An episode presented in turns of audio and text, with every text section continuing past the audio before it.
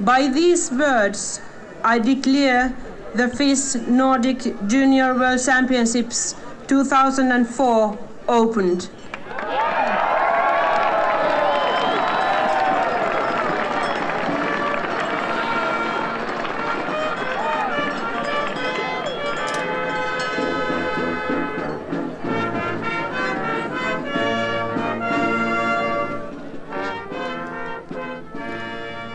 Ja, med denne lyden fra åpninga av junior-VM 2004, så ønsker jeg velkommen til denne første av tre sendinger, da vi skal mimre om gigantarrangementet som fant sted i Veslestryn for ganske nøyaktig 20 år siden.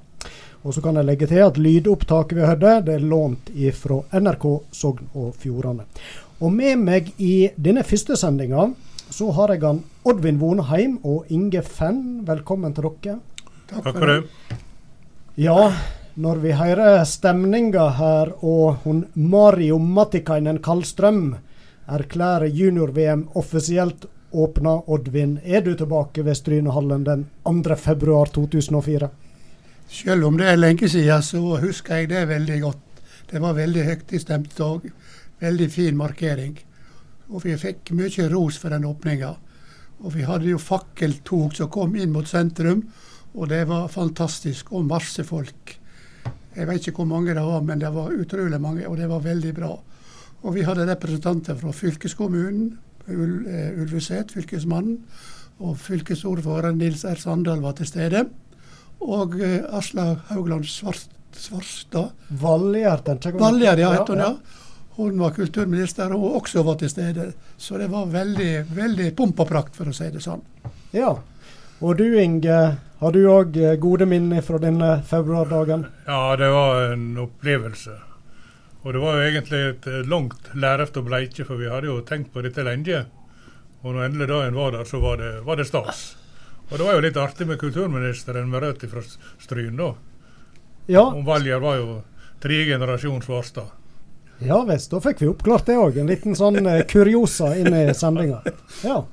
For å plassere dere litt. Oddvin Vonheim, du var jo organisasjonssjef. Uh, hadde rett og slett ansvar for å dra i alle tråder opp mot arrangementet her. Kan du si litt om hva oppgaven de sånn i grove trekk gikk ut på? Ja, egentlig så visste jeg vel ikke hva jeg gikk til. Det var en formidabel oppgave.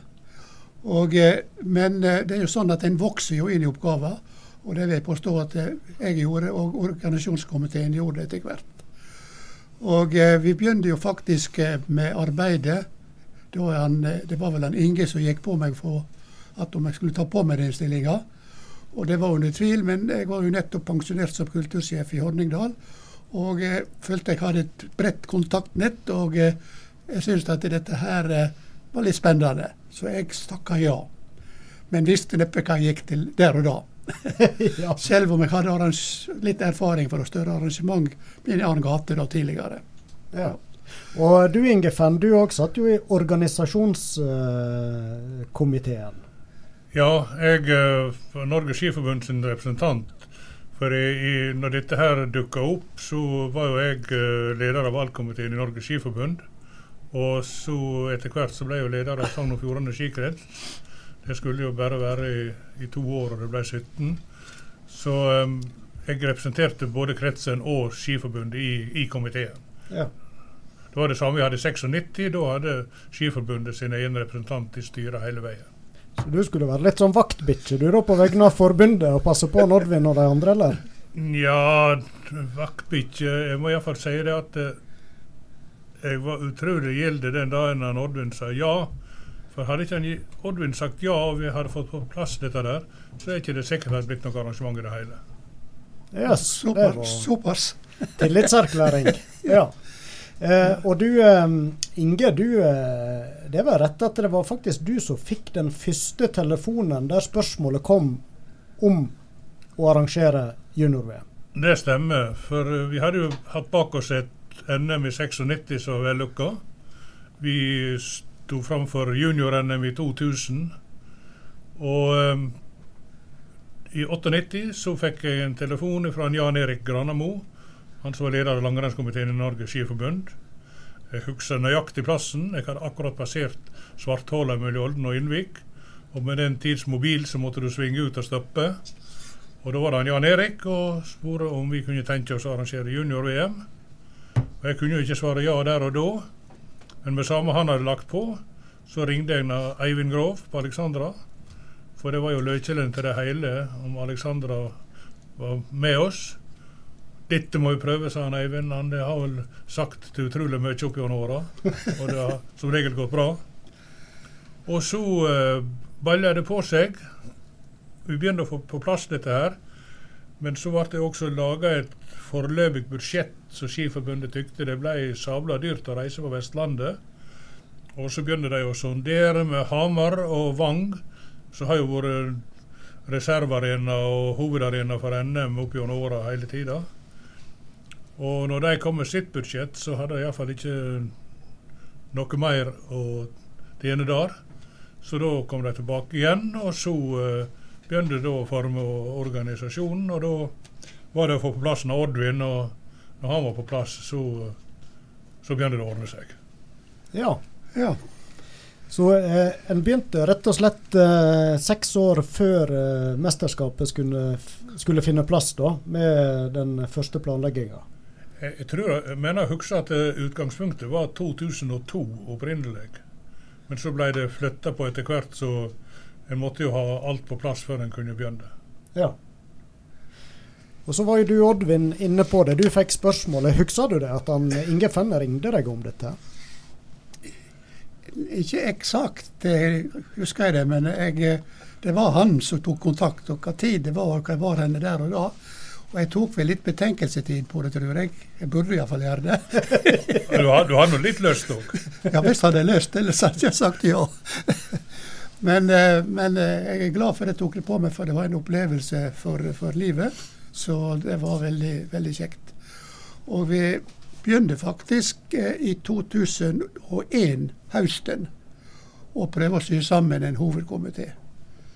Og da tok vi jo malen etter det som vi hadde på NM på Ulsheim noen år tidligere. At det var om å gjøre å få på plass etatssjefer eller ledere på de ulike områder. På rennleder, sponsorsjef, markedssjef og økonomi. Slik at da fikk vi en hovedkomité. Og eh, så fikk de sitt ansvar nedover rekkene og skaffe da funksjonærer. Og det er en modell som fungerer ganske bra. Så da hadde vi møte i hovedkomiteen, altså toppene på disse ulike greinene. Og da hadde vi hele tida med oss Per Ove Pedersen fra Skiforbundet. Han var fast med i hovedkomiteen. Og han Sulland var også med. Fra, ja, styrte økonomien litt for oss. Så fikk vi vi kom godt i gang, rett og slett. Hadde visse møter og fikk da rapport fra etatssjefene. Er det noe som strander, er det noe som mangler? Kan vi hjelpe til å få det på plass? Og det gikk greit. Og så fikk vi noen Karen Sandbakk da som organisasjonssekretær, og hun gjorde en fantastisk jobb. Ja, så det var det er synd hun nå har gått bort. Ja. Eh, hvordan var det å få med folk, husker du det? For det er klart, eh, nå var det nå gått en fem års tid kanskje siden NM. Hadde folk fått hvilt seg ut og var klare for nye store oppgaver? Kan du huske hvordan det var å rekruttere eh, ganske mye folk inn i organisasjonen og etter hvert funksjonærer? Jeg tror vi var opp mot 400 funksjonærer til sammen til slutt. Det gikk vel, veldig greit. Og eh, han som var rennleder, han knyttet til seg sine funksjonærer, slik at det ble bygd nedover. Men eh, vi måtte jo stå på og hjelpe til med det. Eh, så det, det gikk veldig kunne greit. Det som vi fikk litt problemer med på slutten, da, det var at eh, vi spurte den og den. Ja, jeg skal tenke på det. Og da måtte vi være litt sånn bestemte og si at det, da er det bare du sier nei eller ja. For vi, kan ikke, vi må være sikre på at det, den funksjonæren er på plass. Ja. Derfor så må du si ja eller nei. Sier du nei, så må vi prøve noen andre. Sier du ja, så er det veldig flott. Så det, den praksisen brukte vi hele tida. Ja. Og du Inge, du uh, var jo med i komiteen, da, og så i tillegg så uh, var du redaktør på denne tida i Fjordingen. Så i, i, tillegg så var vel du uh, flittig med å, å, på en måte dekke litt i forkant og, og kjøre opp arrangementet litt i media òg, kanskje? du da? Vi hadde jo litt uh, samme problemet som vi hadde i 96. Da var jeg jo i Fjordingen. og når Fjordingen da uh, hadde en god sak, så var det en del andre aviser som mente det at uh, Fjordingen forfordelte. Så vi måtte jo prøve å ha en balanse på dette der. Og få inn andre medier òg. Men det var klart det var en stor sak for Fjordingen, dette her. Og tenker tilbake Vi husker jo 96 og den trøbbelen vi hadde med Vår Herre som ikke ville gi oss snø. Det var jo uh, Jon Ytrehorn hadde til og med i kirkebønna søndagen før at han måtte sende snø. Og så fikk vi da et junior-VM der vi fikk prøve omtrent alt av vær fra sildreng til, til snø. Vind. Vi prøvde absolutt alle værtilhøva som vi har en vinteren den ene veka. Ja. Men det viser igjen at disse der uh, nøkkelpersonene på arena, de er utrolig flinke. Ja, ja det, det, var helt fantastisk. for eh, Det var vind, og det var regn, det var overflatevann. Og alle sponsorplakatene som gikk på gjerdet rundt, de var blåsne ned. Men funksjonærene på arenaen de ordna det før rennet skulle starte. Det var helt fantastisk innsats de gjorde. Helt ubegripelig at de fikk det til. For da det litt, så det litt svart ut den dagen, den morgenen. Ja. Men de fikk det til. Og det er kjempeflott gjort, altså. Men, men før vi kom så langt at en kunne um, arrangere, så var jo det flere år med, med, planlegging og mye jobb som skulle legges ned. Og eh, på et tidspunkt der så skulle en vel òg velge en slags profil for dette junior-VM. Eh, hva hva var den vektla der, husker du det? Ja, En la vekt på at dette skulle være et arrangement for ungdommer. Det er ungdomsprogram. Og det skulle være forbrødring mellom nasjonene. Og vi lagde en sånn powerpoint som vi visste da vi reiste rundt, som ga et innblikk i hvor vi hadde tenkt det. Det skulle være kultur, det skulle være spennende, det skulle være ja, retta mot ungdommen og forbedring mellom nasjonene. Mm. Ja. Og så var jo dere på eh, studietur òg for å, å, lære litt om hvordan var det dette skulle gjøres. Det var bl.a. til Tyskland. Ja, det var i 2002, i februar måned til Sjånak i Svartwald. Og der var han, eh, Per Ove Pedersen med, og så var det vel to da fra hovedkomiteen som var med. Og eh, det var et fantastisk arrangement der nede. Og jeg tenkte å du verden, skreiv vi å få til dette her? i Stryn. Det var så voldsomt med folk, og det var sånn mottak. Mistet du nesten litt motet når du så hvor omfattende det var? eller? Ja, du fikk jo iallfall litt uh, frysninger. Realitetsorientering. ja. Det var et kulturarrangement. Det var altså så masse folk. Ja. Det var helt fantastisk med musikk. Og, og, uh, og renna gikk uh, veldig greit for seg, og vi ble invitert inn til borgermesteren til en prat på kontoret hans. Og vi ble referert i avisene, lokalaviser der i, i Skjånak. Ja vel. Ja. Så jeg, jeg, husker det at jeg hadde lånt med meg et videoapparat. Så jeg tenkte jeg skulle ta opp noe video. Det gjorde jeg. Og det lånte jeg eh, et videoopptaker med Øvre Berg og Co. Og så hadde jeg vært inn på en kafé og spist middag, eller et eller annet. Og så hadde jeg lagt igjen videokamera ved siden av stolen der jeg satt. Og Så fikk jeg vel en telefon, og så sprang jeg av gårde. Og videoapparatet lå igjen. Tenkte ja, der for det, tenkte jeg. Men etter en stund da, så gikk jeg tilbake og eh, spurte om det lå Ja da, hun eh, som satt bak disken, ja, det har jeg ikke vare på, sa hun. Så jeg skulle få det. Så det, så det. Eh, tok dere med mye inspirasjon tilbake fra eh, arrangementet i Tyskland, eller gjorde dere på egen, egen vis? Ja, vi, vi, gjorde jo egentlig det. Og eh, iallfall denne her eh, logoen som vi fikk til, den eh, tok vi jo inspirasjon ifra den Sjålak hadde laga til. Men forandra litt på den, og media forandra litt på den. Og så fikk vi jo laga maskotten som de kjenner til. Ja. ja, Jostein eh, Bø på Stryvo var det vel som fikk laga en eh, maskot i metall med utgangspunkt i denne profilen? Ja, ja jeg ja. Eh, spurte om han ville gjøre det. Og det tok han på strak arm, og han lagde til. Og den sto jo på Per Bolstads plass lenge, da. Så lenge han fikk lov å stå der. ja, nå lurer jeg på om han står ute på Ulsheim. På Ulsheim. Ja. ja. Nå eh, hører vi det prate litt i bakgrunnen her, og det er fordi vi har ringt opp eh, han som var ordfører i Stryn i 2004. Og det var deg, Nils Petter Støyva. Du er med på telefon, som sagt. og hva minne har du fra denne første veka i februar i 2004? Det var mye spennende, mye storfint besøk. Og det var eh, Ja, hva skal jeg si? Eh, for oss som er idretts- og skiinteresserte, så var dette der midt i blinken, for å bruke det uttrykket. Ja, så tidligere aktiv langrennsløper sjøl, så var det kanskje ekstra stas å få et sånn type arrangement til bygda og kommunen? Ja, det var det. Og så var det nå dette på en måte i min heimbygd Førdebygd. Sånn at uh, dette var kjempe, kjempespennende. Skipresidenten var der. og Kulturministeren var åpen av Valjar Svarstad Haugland.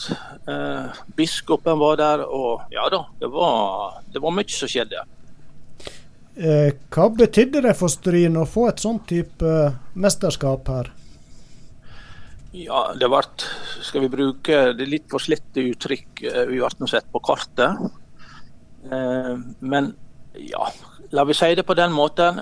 Vi vi er nå en, en, idrettskommune. Vi er disse markene og vetende og skibygder. Og vi var kjente langt utover landegrensene. Eh, og Det var viktig både for kommunen og for disse bygdene. Mm. Eh, hva rolle spilte kommunen i forhold til både planlegging og etter hvert gjennomføring? Nei, dette var nå et, det var en egen arrangementskomité som eh, sto for dette. Eh, vi var, in, in, vi var delvis involvert eh, i planlegginga.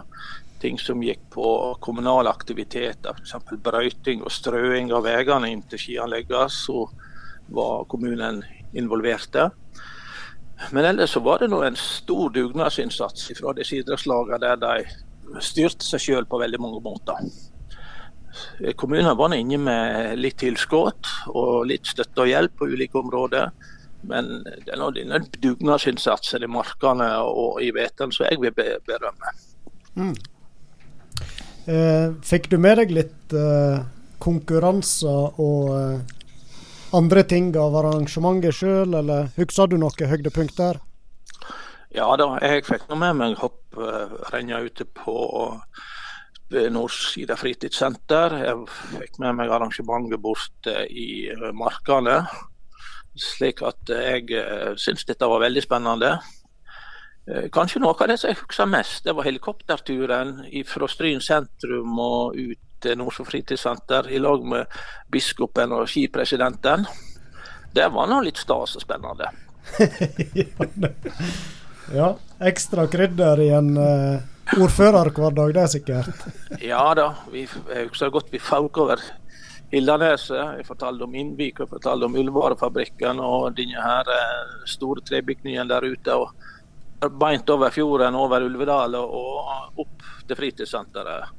Så der hadde jeg lokalkunnskap, og da tror jeg de ble litt imponert over ting, de, ting som jeg visste. Mm. Som du sier, Nils Petter, så um, var det nok med å sette kommunen enda mer på kartet, men tenker du at det hadde noe betydning i etterkant òg, at en hadde et sånt stort arrangement i Stryn?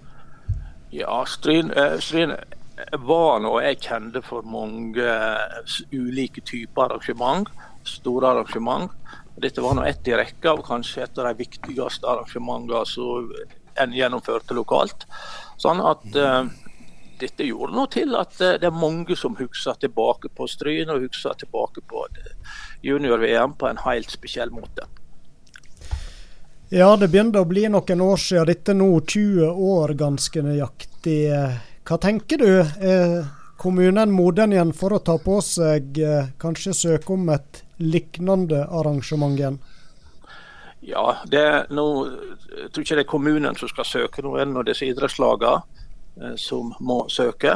Og Er de motiverte og har, er de villige til å, å stå på med dugnadsinnsats, så, eh, så, må de søke. Jeg skal støtte opp helt på å si, ut ifra min ståsted med dugnad og hjelp. Eh, så anbefaler jeg absolutt at en står på og jobber videre hvis en har tanker om at dette vil en. Mm. Da sier vi tusen takk til deg, Nils Petter Støyva, for at du tok deg tid noen minutter å være med i denne sendinga. Ja, takk for at jeg ble invitert. Der. Ja, Oddvin, eh, vi hører Nils Petter her som var ordfører. Du hadde nå sikkert en del eh, dialog med han eh, både veke, måneder i forkant av arrangement og underveis. Eh, hva du tenker da? Hadde, hadde det gjort seg med et nytt junior-VM? Ja, hvis en greier å stable på beina nok funksjonærer så frivillige, så syns jeg at vi har anlegg som, som er gode nok til å ta sånne store arrangement. Så det hadde vært veldig bra om vi kunne fått til et arrangement nå de kommende åra. Mm. Det syns jeg. Ellers nevner jeg han eh, Støyva, da. Han var veldig positiv, og vi, kommunen hadde vi flere møter med. Og vi fikk en del tilskudd med dem, og han nevnte brøyting og strøing. Og det var gjort perfekt når det var nødvendig. Så de var gode medspillere, Stryn kommune, under hele mesterskapet. Mm. Litt tilbake til det Nils eh, Petter sa. Han fokuserte jo på markene og hveten. Vi må, må, ikke glemme hardbagg oppi mm. det som er lagt ned. Og det har jeg også lyst til å legge til. At uansett god vilje i markene, hveten og hardbagg, så hadde disse arrangementene aldri kommet i mål hvis ikke alle hadde stilt opp. Vi hadde veldig mye god hjelp fra Stryn, fra Loa, fra Oppstryn. Så selv om disse tre lagene som er på fokus, så er det egentlig eh, det som varmer mest, at det, det er ja over hele kommunen. Og overnattingsplassene og alt. Det er, det er, et stort samspill. Og det som jeg tror Altså, junior-VM, junior det kan nok uh, ikke være så aktuelt. For det går på runddans nesten over hele verden. Jeg vet ikke når Norge kommer fra tur igjen. Det som jeg tror utenom skiskyting, da, så kanskje det som er mest fokus på for tida, det er skandinavisk cup i langrenn. Det får vi på Ulsheim den dagen vi ber om det. Mm. For Vi har faktisk vært kontakta av Skiforbundet med spørsmål om hva tid det er mulig. Og Nå er det jo kommet TV-overføring på det òg, slik at uh, det øker jo mulighetene for sponsorinntekter. Og så en, Nå har vi nevnt flere ganger Per Ove Pedersen. Altså, han han var tilsatt som arrangementsansvarlig i Norges Skiforbund. Og han hadde hovedrollen både å NM i 96 og junior-VM i 2004. I tillegg til junior-NM junior i 2000. Og han, eh, han var gammel skihopper fra Molde. Og vi fikk et veldig godt forhold, selv om starten var fryktelig dårlig. For når jeg var på rekruttskolen, så var han sersjant. Og da kan du omtrent tenke hvor godt vennskapet var. Men det gikk seg til. Det gikk seg til. Men uh, etter hvert som det nærmer seg 2004, eh, Oddvin, um, hva var det dere kanskje var litt ekstra spente på? Kan du huske det? Når det liksom begynte å drage seg til litt, var det noen sånne flaskehalser eller andre ting? Ja, vi hadde en del flaskehalser med, med løpere fra andre land, og spesielt fra, fra Russland.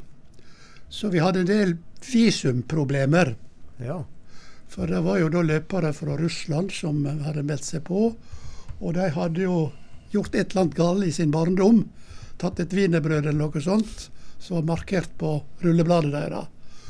Og der eh, måtte vi innom lensmannskontoret, og, eh, Karin, eh, sekretær, da, gjorde en kjempejobb med å få løse opp i disse visumproblemene, slik at vi fikk dem på plass jo, vi hadde jo 32 nasjoner som var her til stede. Ja. ja. Så det var et av lite problemene. lite problem, men var likevel stort. Ja. Ja, og dette med at det var såpass mange nasjoner med, eh, spilte ikke United World College en liten rolle opp mot det òg? Ja, United World College de ble kontakta, og de stilte opp. Og de var liksom sånn verter for hvert enkelt land ettersom det passet med, med språka. Så de hadde en trefning på Alessandra da, for å bli kjent. Det var vel eh, Ja, det var en dag i veka. Nå skal jeg se på programmet her, da. Ja, nå sitter Oddvin og blader i de gamle brosjyrene fra 2004. Det begynner å bli lenge siden, så vi ja. husker ikke dette her. Ja, men han blader. Ja. Altså, vi fokuserer hele tida på organisasjonen og, og laget og det vi gjorde. Men én ting som er helt avgjørende for at vi skal få disse arrangementene, det er overnatt overnattingskapasiteten i Stryn. Og den rolla Alexandra har spilt opp i dette hele veien. Og hvis vi nå går til dagen i dag, så har vi jo fått en Kvivsveg òg. Så slik at har nå har vi enda mer overnatting innenfor en akseptabel eh, En times kjøring er akseptabelt for overnattinger, sånn som opplegget er nå. Men overnattingskapasiteten i Stryn den er helt avgjørende for de store arrangementene. Det er litt viktig å ta med til. Jeg må supplere nå, Inge, med det at Alessandra hotell de gjorde en fantastisk jobb. Hele garasjen lagde de om til smørjebode. ja. ja, til hvert enkelt land. For det var jo krav om at de skulle ha smør i bordet så nær boplassen som mulig. Og Ut på, ut på Bjørklibakken òg ble bygd ekstra bordet. Så de gjorde en fantastisk jobb. Og under selve øvelsen, eh, mesterskapet, så disponerte vi hele hotellet. Hadde Nederst der har vi alle kontorene bortover. Så det var fantastisk. Og vi hadde en, en mesterskapsprest som var til stede hele tida. Og som nevnt tidligere, så var jo biskopen her. Og vi oppretta et bønnerom på Alessandra for de som ville det, så presten tok seg av. Presten var mye på Alessandra, og han var mye på Ulsheim og Bjørklibakken. Ja. ja, det var mange elementer en skulle fange opp og ta i vare her, skjønner jeg. Ja, det var utrolig mange småting. Mange ting som måtte være på plass. Blant annet det der med medaljer måtte vi få på plass. Skiforbundet var jo veldig behjelpelig på alt. Men du måtte gjerne ha to gullmedaljer, to bronsemedaljer hvis det skjedde. Ja. Du kunne ikke bare én. Alt dette måtte du passe på. Ja, ja. Så det, det, var, det, var, interessant, men spennende. Men, men, når en skal ha et sånt arrangement, får du en slags sånn oppskrift, en perm med alle ja, ned til små detaljer òg, for det skal nå godt gjøres å sette seg inn i alt dette her. Nei, det, det er jo i, i prosessen framover så dukker det jo opp alt det vi skal gjøre. Vi får, får impulser fra Skiforbundet, Per Ove Pedersen som var med oss hele tida. Og så dukker det opp det ene og det andre, og så fikser vi det og får det på plass. Ja. ja. Noen oppskrift hadde ikke vi andre. Vi hadde en fin um, mal ifra da vi hadde norgesmesterskap på ski. Og sluttrapporten der ga en del pekepinner hvor det kunne gjøres, som Inge var ansvarlig for da. Eh, nå er jo vi i slutten av januar her, og hvis vi spoler da ganske nøyaktig 20 år tilbake, så var det sånn ca. ei uke igjen til arrangementet. Klarer du å huske, var det kontroll eller var det kaos som prega dere som skulle arrangere da?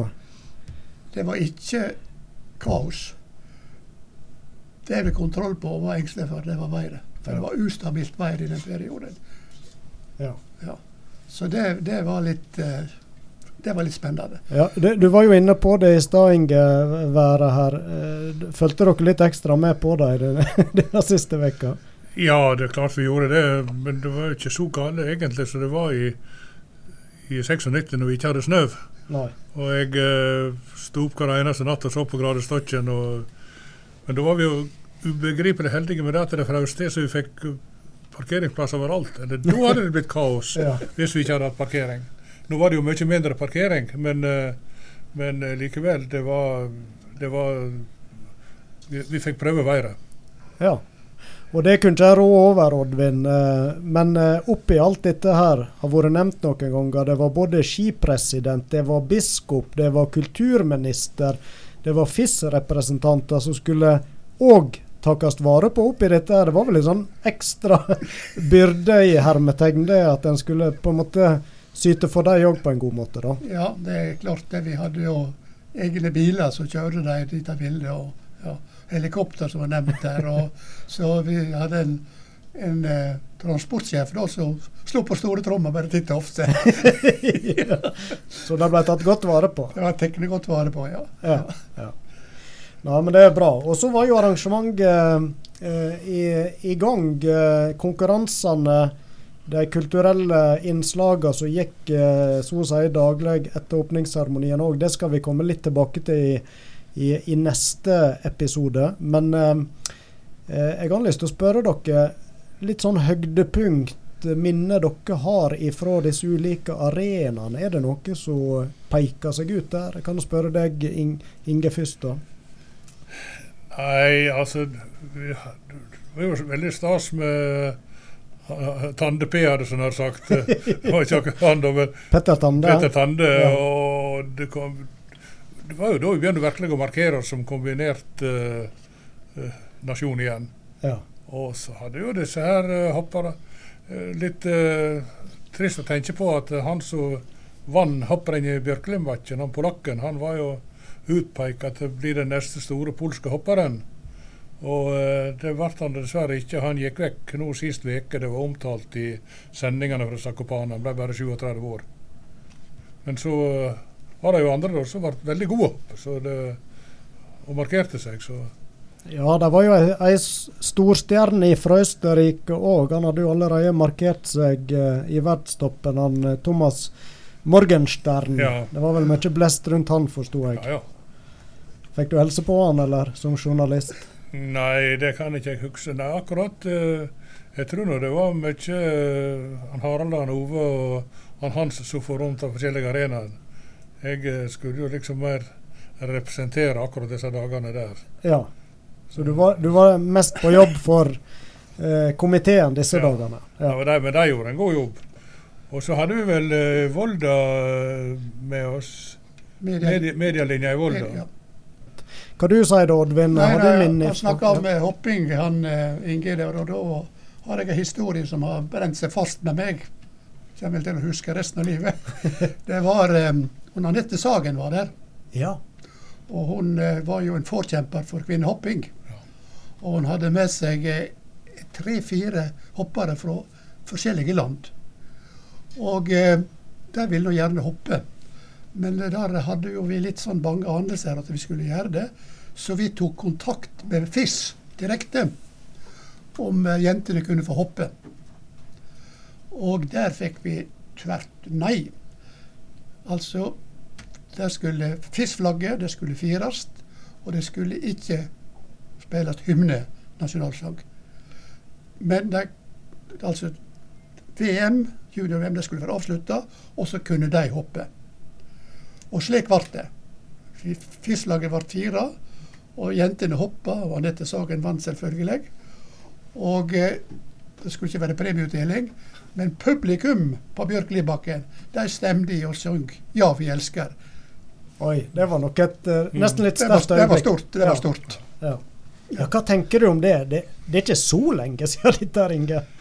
Nei, men altså, det er jo litt gale ennå. Ja. Det, er så utrolig tungt å få aksept for dette her. Jeg skjønner ikke det. Altså, det har jo vært kvinnehopp. Han far var i Garden i 1932, og da var jo han i hoppbakken og så på Hilda Braskerud, som senere reiste til Amerika. Og disse jentene de hoppa. Og så har det vært så enkelte pionerer opp igjennom, og det har blitt pressa ned. Dessverre. Selv om eh, Norges Skiforbund har vel egentlig vært for, men Torbjørn Yggeseth var jo en beinhard motstander. Han var jo i den internasjonale komiteen. Men Anette Sagen hun lot seg ikke presse ned. Hun, eh, hun nådde fram. Hun nådde fram til slutt. Om ja. ikke hun gjorde det i Bjørkelibakken, da var hun ei veldig ung jente. Men eh, etter hvert. Eh, ja. Så det var dette her jeg snakka om. Det var, det var, et arrangement for ungdom og med ungdom. Mm. Og eh, da hadde vi også en stor samling i Strynehallen på fredagen.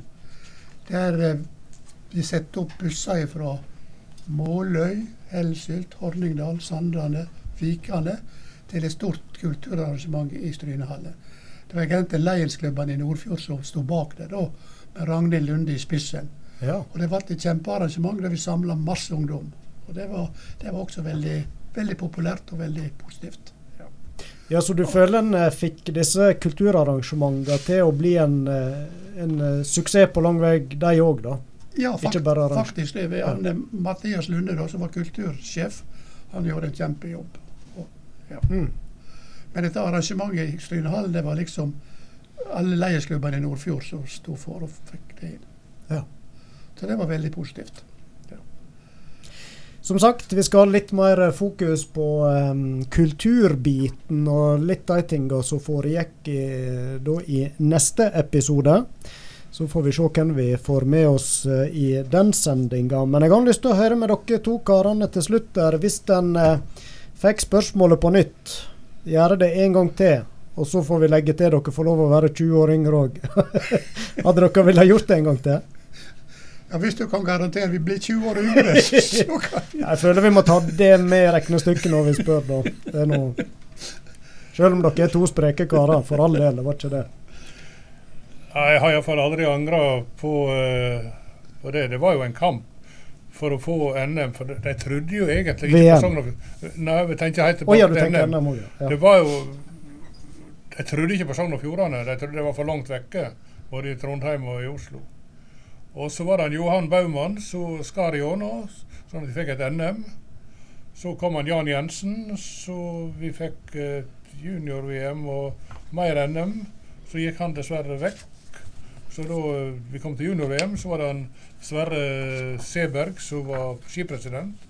Og han har alltid vært en veldig god medspiller for Sogn og Fjordane og for området her. Og skussmåla etter junior-VM var vel veldig bra? Ja, vi hører ikke så Å nei! hører ikke så mye galt, i hvert fall. nei. Jeg mener jeg leste en plass at uh, en representant fra Skiforbundet kombinertkomiteen, nestleder i kombinertkomiteen, han mente iallfall en godt kunne søke om World Cup i kombinert. Det var ingen problem. Så um, det var nå tydelig de var fornøyde. Jeg tror det gikk veldig bra både økonomisk. Det ble jo, det ble jo en bra pris for Skiforbundet da. Det kosta vel Skiforbundet ca. 5 millioner. Men det ble jo en del penger igjen på laget, da, så det er jo gjerne det som blir målt. Går vi med underskudd eller går vi med overskudd? ja. Men det, det gikk økonomisk bra.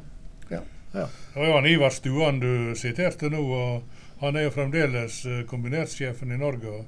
Vi har et veldig greit forhold. Det er en eh, kjempekar. Og han var veldig godt fornøyd med de mulighetene. Eh, Spesielt det at en klarte å få en kompakt arena, og slik at de ikke måtte kjøre lange stykker.